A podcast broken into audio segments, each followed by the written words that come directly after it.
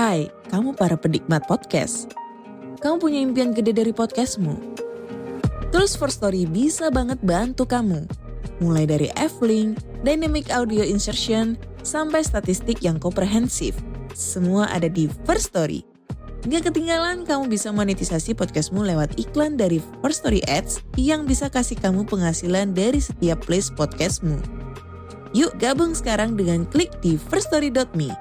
Sekali lagi, klik di firststory.me. Mari kita bawa mimpi podcastingmu menjadi kenyataan.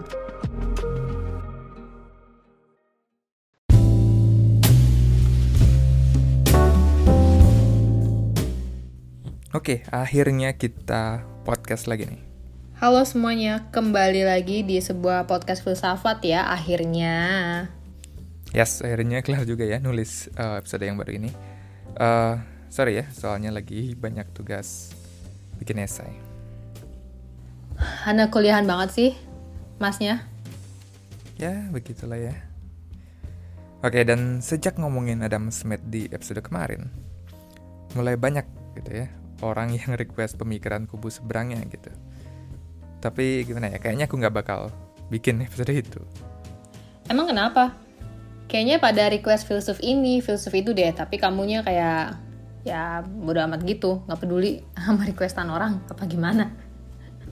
Yang ya itu satu, enggak deh maksudnya karena aku emang buat apa yang aku mau buat aja gitu kan. Kedua, aku percaya gitu ya. Ya mungkin salah, tapi menurutku ketika banyak orang request tokoh filsuf tertentu misalnya orang itu sebenarnya udah tahu gitu ya pemikirannya seperti apa dia udah tahu gitu hanya pengen dengar ulang di di podcast ini aja. Mungkin mau ngelihat pemikiran filsuf tersebut dari angle yang berbeda mungkin. Tapi menurutku bakal jadinya sama aja sih. Uh, jadi maksudmu tuh kayak mereka tuh cuma pengen denger filsuf yang mereka suka yang mereka tahu aja gitu? Iya dan menurutku itu nggak sesuai dengan esensi kita belajar filsafat itu, yakni melihat sesuatu dari berbagai sudut pandang gitu ya, ngelihat ide-ide filsuf saling berseberangan ya. Dan para pemikir ini gitu ya berharap dari pertarungan ide-ide pemikiran ini itulah yang mampu gitu ya mendekatkan kita kepada kebenaran. Tapi kan kalau kayak gitu ya jadinya kan agak random gitu nggak sih podcast kita nggak ada ininya patokannya. Iya sih, harus diakui kalau podcast ini adalah kurikulum sekolah gitu ya. Pasti jadi ngebingungin buat siswanya. Ya tapi orang juga harus ingat gitu ya, pada akhirnya podcast ini juga cuma sebuah show gitu ya. Pertunjukan untuk menghibur aja. Aku nggak mau gitu ya podcast ini kayak apa ya, ngeklaim isinya daging gitu ya. Atau podcast buat orang pintar gitu. Tapi kalau ada yang ngerasa ada manfaatnya ya syukur aja gitu ya. Aku nggak maksa podcast ini jadi sumber kebenaran gitu. Ya walaupun isinya random dan nggak sesuai cara mengajar filsafat yang biasanya gitu ya. Tapi ya aku percaya gitu ya. Yang kalian yang dengerin ini bisalah connect the dot gitu ya. Dari random-random episode ini. Ya, apalagi ngeliat draft RKHUP ya, yang ngomongin pelarangan penyebaran paham yang tidak sesuai dengan Pancasila. Dan banyak yang request ya, you know lah itu. Oke nih, mending bahas yang lain aja deh. Nah, makanya ngomongin topik lain aja gitu ya. Jadi untuk jadi untuk ngerti gitu ya apa yang ingin aku bahas di episode ini, kita perlu balik lagi nih. Balik lagi ke frasa cogito ergo sum. I think therefore I am. Itu kan? Aku berpikir maka aku ada. Uh, kalau nggak salah ini pemikirannya Rene Descartes. Ya benar. Ingat kan gimana kita bisa sampai ke kesimpulan cogito ergo sum. Mungkin aku ul apa ulang sedikit gitu ya, jelasin singkat aja. Buat yang males dengar ulang mungkin di episode sebelumnya. Uh, jadi pada dasarnya kita ingin menjawab pertanyaan bagaimana kita bisa tahu gitu ya, bagaimana bagaimana manusia bisa tahu. Ya tahu apa pun itu gitu kan. Menurut René Descartes, indera yang kita pakai tidak bisa dipercaya untuk bisa mengetahui sesuatu, sesuatu hal gitu ya. Karena uh, kita tahu gitu kan, indera itu bisa dikelabui.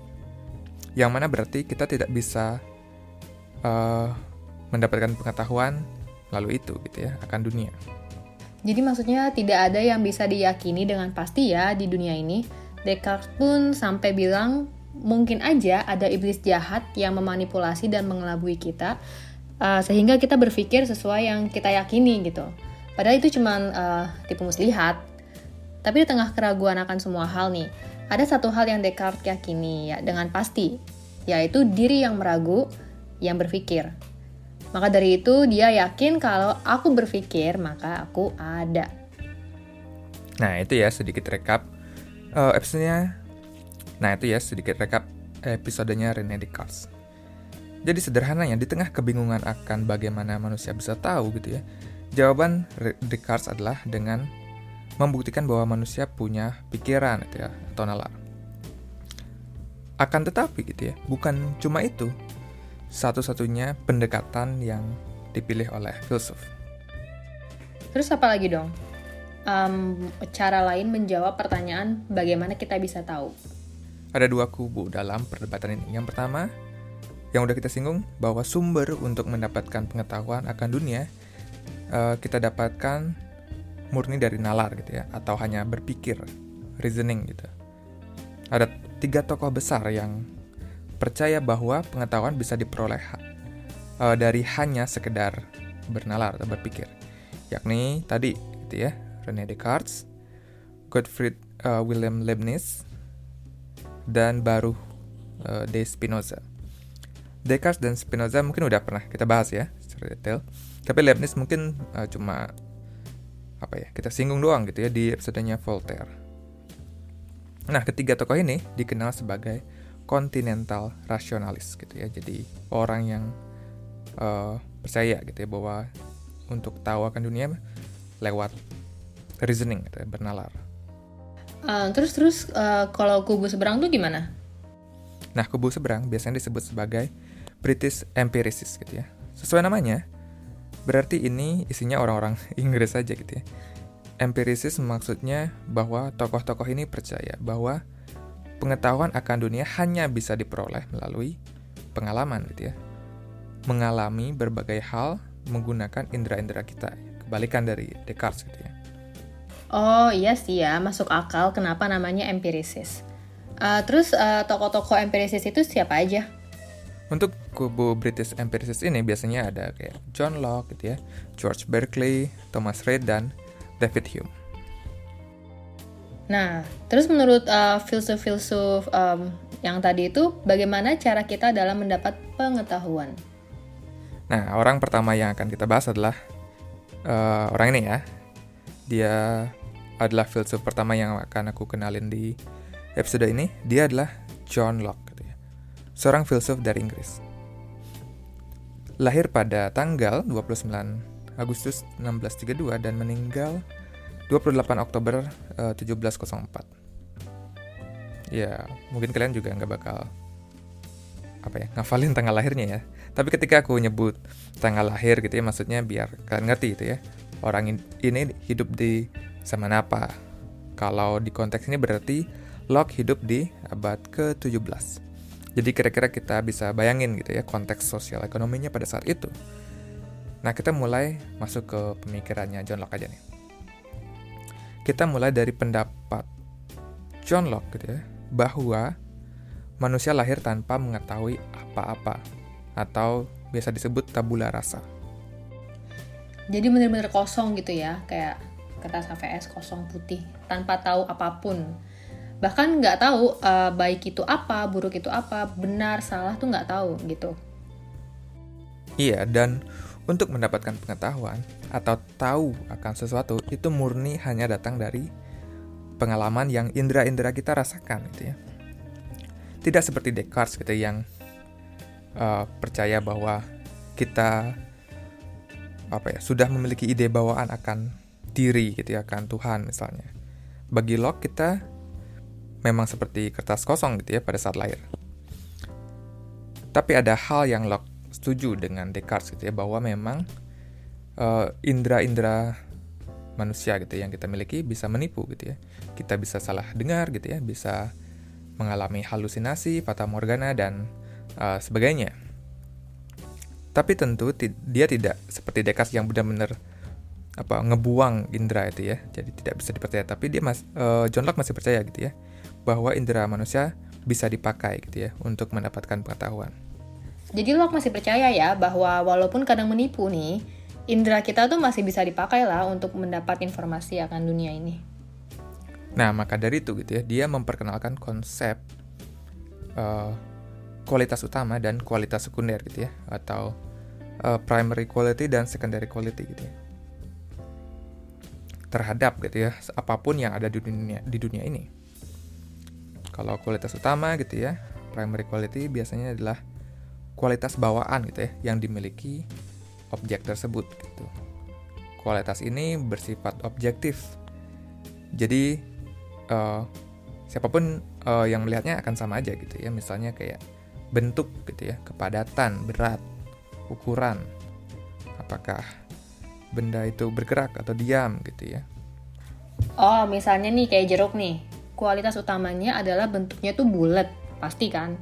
Beratnya ya mungkin sekitar 200 gram ya. Diameternya hmm, ya 10 cm gitu kali ya. Ya kayak hal yang kayak gitulah yang bisa diukur mungkin ya. Terus itu kualitasnya yang aku sebutin harusnya objektif kan siapa pun yang ngelihat pasti ya itu gitu kan bakal mengatakan hal yang sama terus kalau uh, secondary quality itu apa kualitas sekunder berarti kualitas yang bergantung pada orang yang melihat atau merasakannya misalnya kayak warna, rasa gitu ya, tekstur gitu ya, hal-hal yang subjektif. Hmm, kalau contohnya pakai jeruk yang tadi nih, berarti kualitas sekundernya itu kayak misalnya warnanya oranye nih, kan bisa beda-beda tiap orang tuh. Yang bilang oranye gelap, oranye kekuning-kuningan, hijau ya kan. Atau kalau rasa, rasa pun kayak gitu kan. Ada yang nganggap asam banget, ada yang nganggap ya udah asam aja manis, kagak ada rasanya. Nah, itu berarti kualitas sekunder kan? Iya kayak gitu. Jadi so far so good lah ya. Ya make sense lah ya. Jadi maksudnya John Locke ini memperlihatkan kualitas utama dan sekunder adalah bahwa yang ada di dunia hanyalah kualitas utama. Bentuk, ukuran, berat itu sama siapa pun yang melihatnya nih. Sedangkan kualitas sekunder kayak warna, rasa, tekstur itu uh, hanya ada di kepala yang sedang mengamati benda tersebut, objek tersebut ya nggak ada warna kalau kita nggak bisa lihat dan ya nggak ada rasa kalau kita nggak ada lidah. Ya, tapi apakah John Locke benar gitu ya akan hal tersebut? Hmm, maksudmu gimana? Berarti ada filsuf dong yang setuju akan hal tersebut. Ya pasti selalu ada filsuf yang gak setuju gitu ya. Nah sekarang muncul gitu ya filsuf kedua yang akan kita bahas yakni George Berkeley. Berkeley hampir bisa dikatakan mematahkan argumennya Locke menggunakan logikanya Locke sendiri gitu ya. Dia mengatakan bahwa kualitas utama tidak cukup kuat gitu ya untuk menyatakan bahwa sesuatu itu ada. Oke, kamu bilang jeruk itu memiliki bentuk seperti bola, tapi kalau dia tidak memiliki warna yang mana merupakan kualitas sekunder, bagaimana kamu tahu kalau ada jeruk di sana gitu ya? Karena e, ada warna lah gitu ya, kamu tahu bentuk dari jeruk itu gitu ya jika tekstur adalah kualitas sekunder gitu ya tadi. Coba bayangkan jeruk tanpa tekstur gitu ya. Nggak bisa dibayangin ya. Dan kamu juga perlu ingat gitu ya.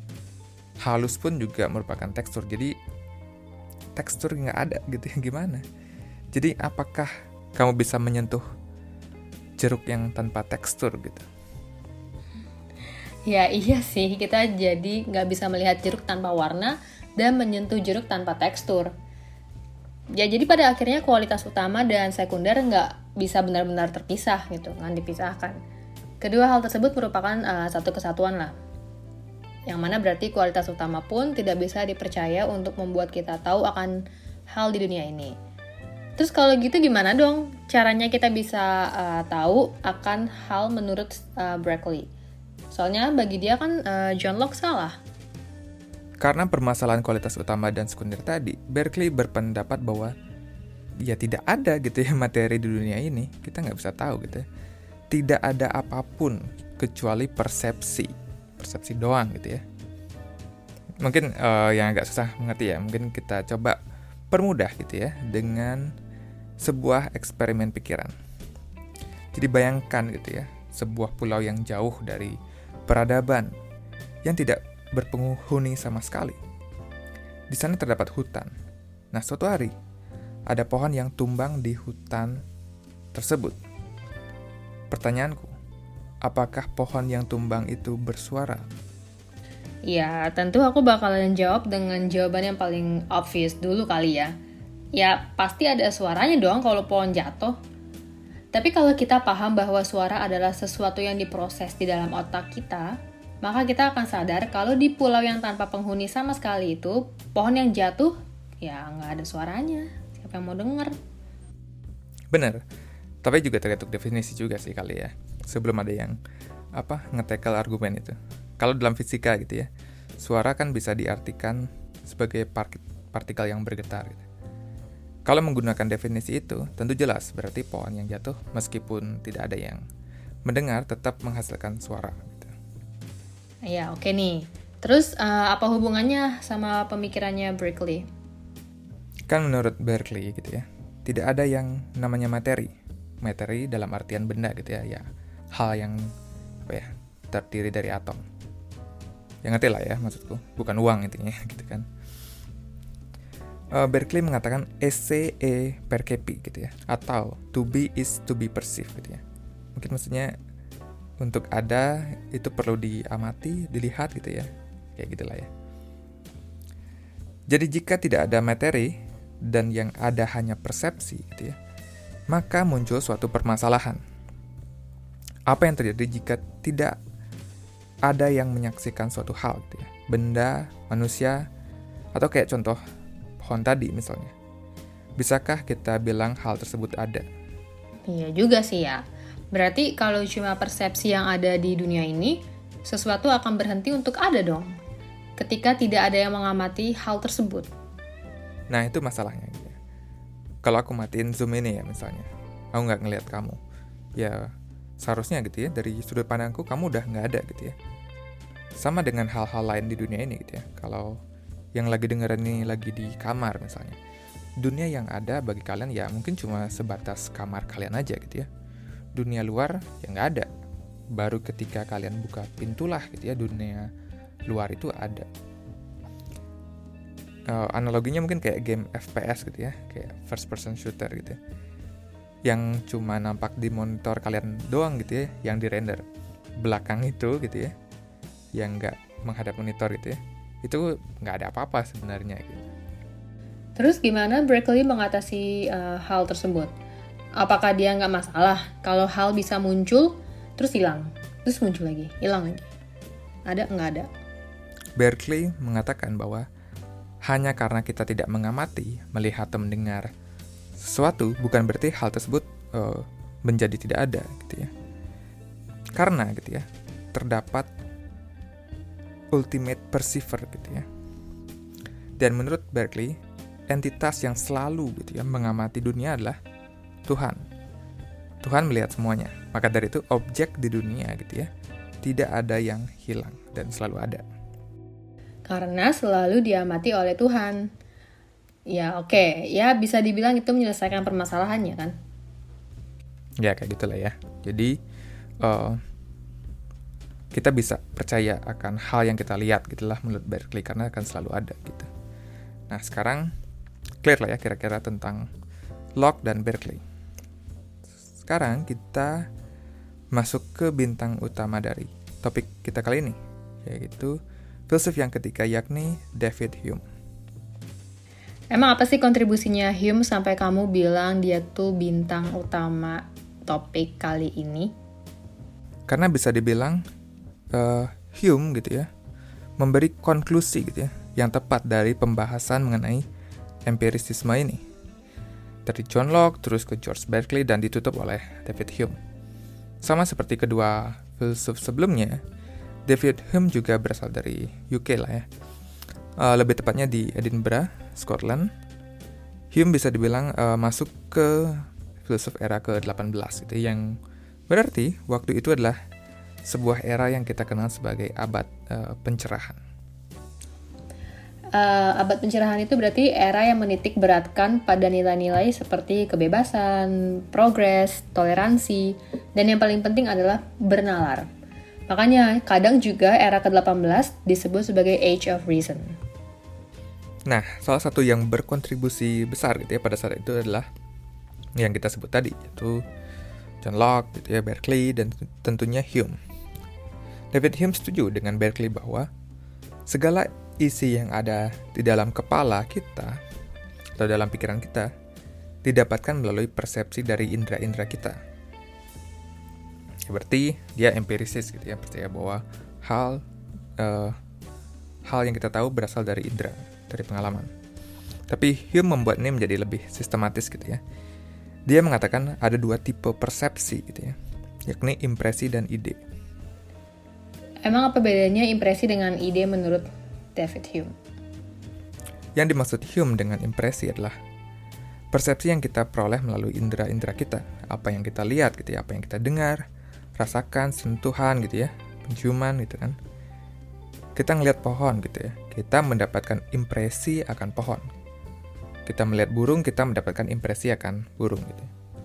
Nah, kalau ide adalah hal yang dihasilkan dari impresi. Jadi ketika kita mendapatkan impresi pohon gitu ya, kita otomatis membuat kayak bilang salinannya gitu ya salinan atau kopiannya berupa ide akan pohon. Nah, terus kalau kayak gitu, apa bedanya dong impresi pohon dengan ide akan pohon? Sama-sama pohon juga. Beda gitu ya. Impresi adalah persepsi yang kita rasakan gitu ya, sedangkan ide adalah persepsi yang kita pikirkan. Tentu beda dong melihat pohon yang ada di depan kita dengan memikirkan pohon. Ketika misalnya tidak ada pohon depan kita tapi kita tetap bisa memikirkan pohon gitu ya. Itu ide gitu. oh jadi kayak gini um, bedanya ngerasain sakit kaki kejedot nih kejedot duduk ujung meja tuh kan sama nginget ulang rasa sakit itu. Kayak gitu maksudnya. Ya kayak gitulah ya kira-kira. Sebenarnya ngomongin ini bisa lebih apa ya pak dalam dan uh, kompleks gitu ya nanti ada impresi sederhana impresi kompleks terus ada ide sederhana ide kompleks. Tapi mungkin uh, nantinya podcast ini terlalu nerdy gitu ya. Dan seperti yang aku bilang di awal ini adalah show aja. Jadi mungkin kita skip uh, dulu. Biar apa orang nggak ngantuk dengerinnya. Oke, okay, berarti gini cara kita bisa menjadi tahu akan hal di dunia ini menurut Hume. Lewat impresi, terus jadi ide, ide bisa kita kombinasikan menjadi ide yang lebih kompleks.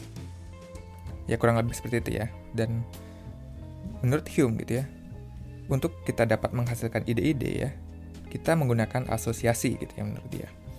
Hume menyebutnya prinsip asosiasi ya. Dan dia gitu ya membagi cara kita uh, mengasosiasikan hal ke dalam tiga cara gitu. Pertama ada kayak resemblance gitu ya atau kemiripan.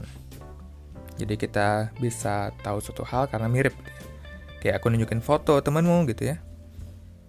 Uh, dan kamu tahu mirip, kamu kenal orang itu ya. Berarti otomatis uh, kamu juga tahu gitu ya. Itu adalah foto temenmu gitu.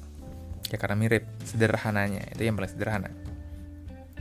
Kita kita pernah lihat pohon, kita ingat impresi akan pohon, kita punya ide akan pohon, terus kita ke mana lagi nemu pohon lagi, oh ya kita tahu karena mirip gitu ya. Resemblance. Terus yang kedua ada contiguity in time and space. Keren banget kedengarannya tapi biasa aja. Kayak ini keberlanjutan dalam apa ya waktu dan tempat. Misalnya keberlanjutan waktu gitu ya. Ketika kamu dengar lagu gitu ya. Peter Pan misalnya. Ya kamu ingat gitu ya mengasosiasikannya dengan masa SMP-mu gitu ya. Jadi kamu uh, karena kamu gitu ya karena kamu sering dengar waktu SMP kayak gitulah ya. Dari SD sih sebenarnya. Okay. karena lintas waktu ya jadinya.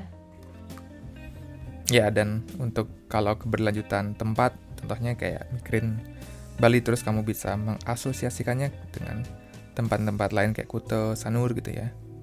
Karena secara tempat ya Sanur dan Kuta kan ada di Bali gitu ya. Dan terakhir uh, yang pan penting gitu ya yaitu sebab akibat seperti namanya, kita tahu kalau kayak menaruh kettle yang berisi air di atas kompor gitu ya, bisa memanaskan air gitu ya. Siang nanti akan berganti malam gitu ya. Atau kayak makanan kalau dibiarkan di tempat terbuka bisa menjadi cepat busuk gitu. Sebab akibat. Oke, tadi uh, penjelasannya cukup panjang sih ya. Terus apa dong? Ya mungkin gimana ya? Sekarang cuma kayak sekedar lewat aja ya. Tapi diingat-ingat aja dulu, terutama yang tentang kausalitas tadi, yang tentang sebab akibat. Next gitu ya. Kita akan bedah lebih jauh pandangannya Hume mengenai ini. Tapi sekarang kita harusnya mulai paham gitu ya dengan cara kita memperoleh pengetahuan menurut uh, Hume, yakni melalui impresi dan ide. Sekarang kita akan uh, lanjut gitu ya, mempertanyakan hal yang bisa dibilang gitu ya dilewatkan oleh Descartes, Locke dan Berkeley, sedangkan Hume sadar gitu ya akan hal ini. Descartes mungkin uh, mengatakan ya Descartes mengatakan aku berpikir maka aku ada gitu ya. Ada aku gitu ya yang berpikir. Locke juga berpandangan ada diri yang melihat kualitas utama, kualitas sekunder gitu ya. Berkeley pun sama gitu ya. Ada diri yang mengalami berbagai persepsi.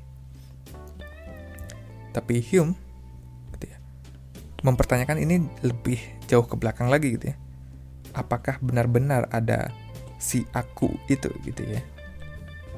Oh, kalau nggak salah nih, um, ini pernah nih kita singgung di episode yang mengenai diri sendiri itu ya. Kalau kita benar-benar secara objektif merefleksikan diri kita dan melihatnya baik-baik, diri hanyalah kumpulan dari segala hal yang sudah kamu alami. Itu kan? Iya, makanya diri itu cuma kumpulan persepsi gitu ya. Yang berarti kumpulan impresi dan ide yang saling terhubung membentuk ilusi yang kamu sebut aku atau diri gitu ya.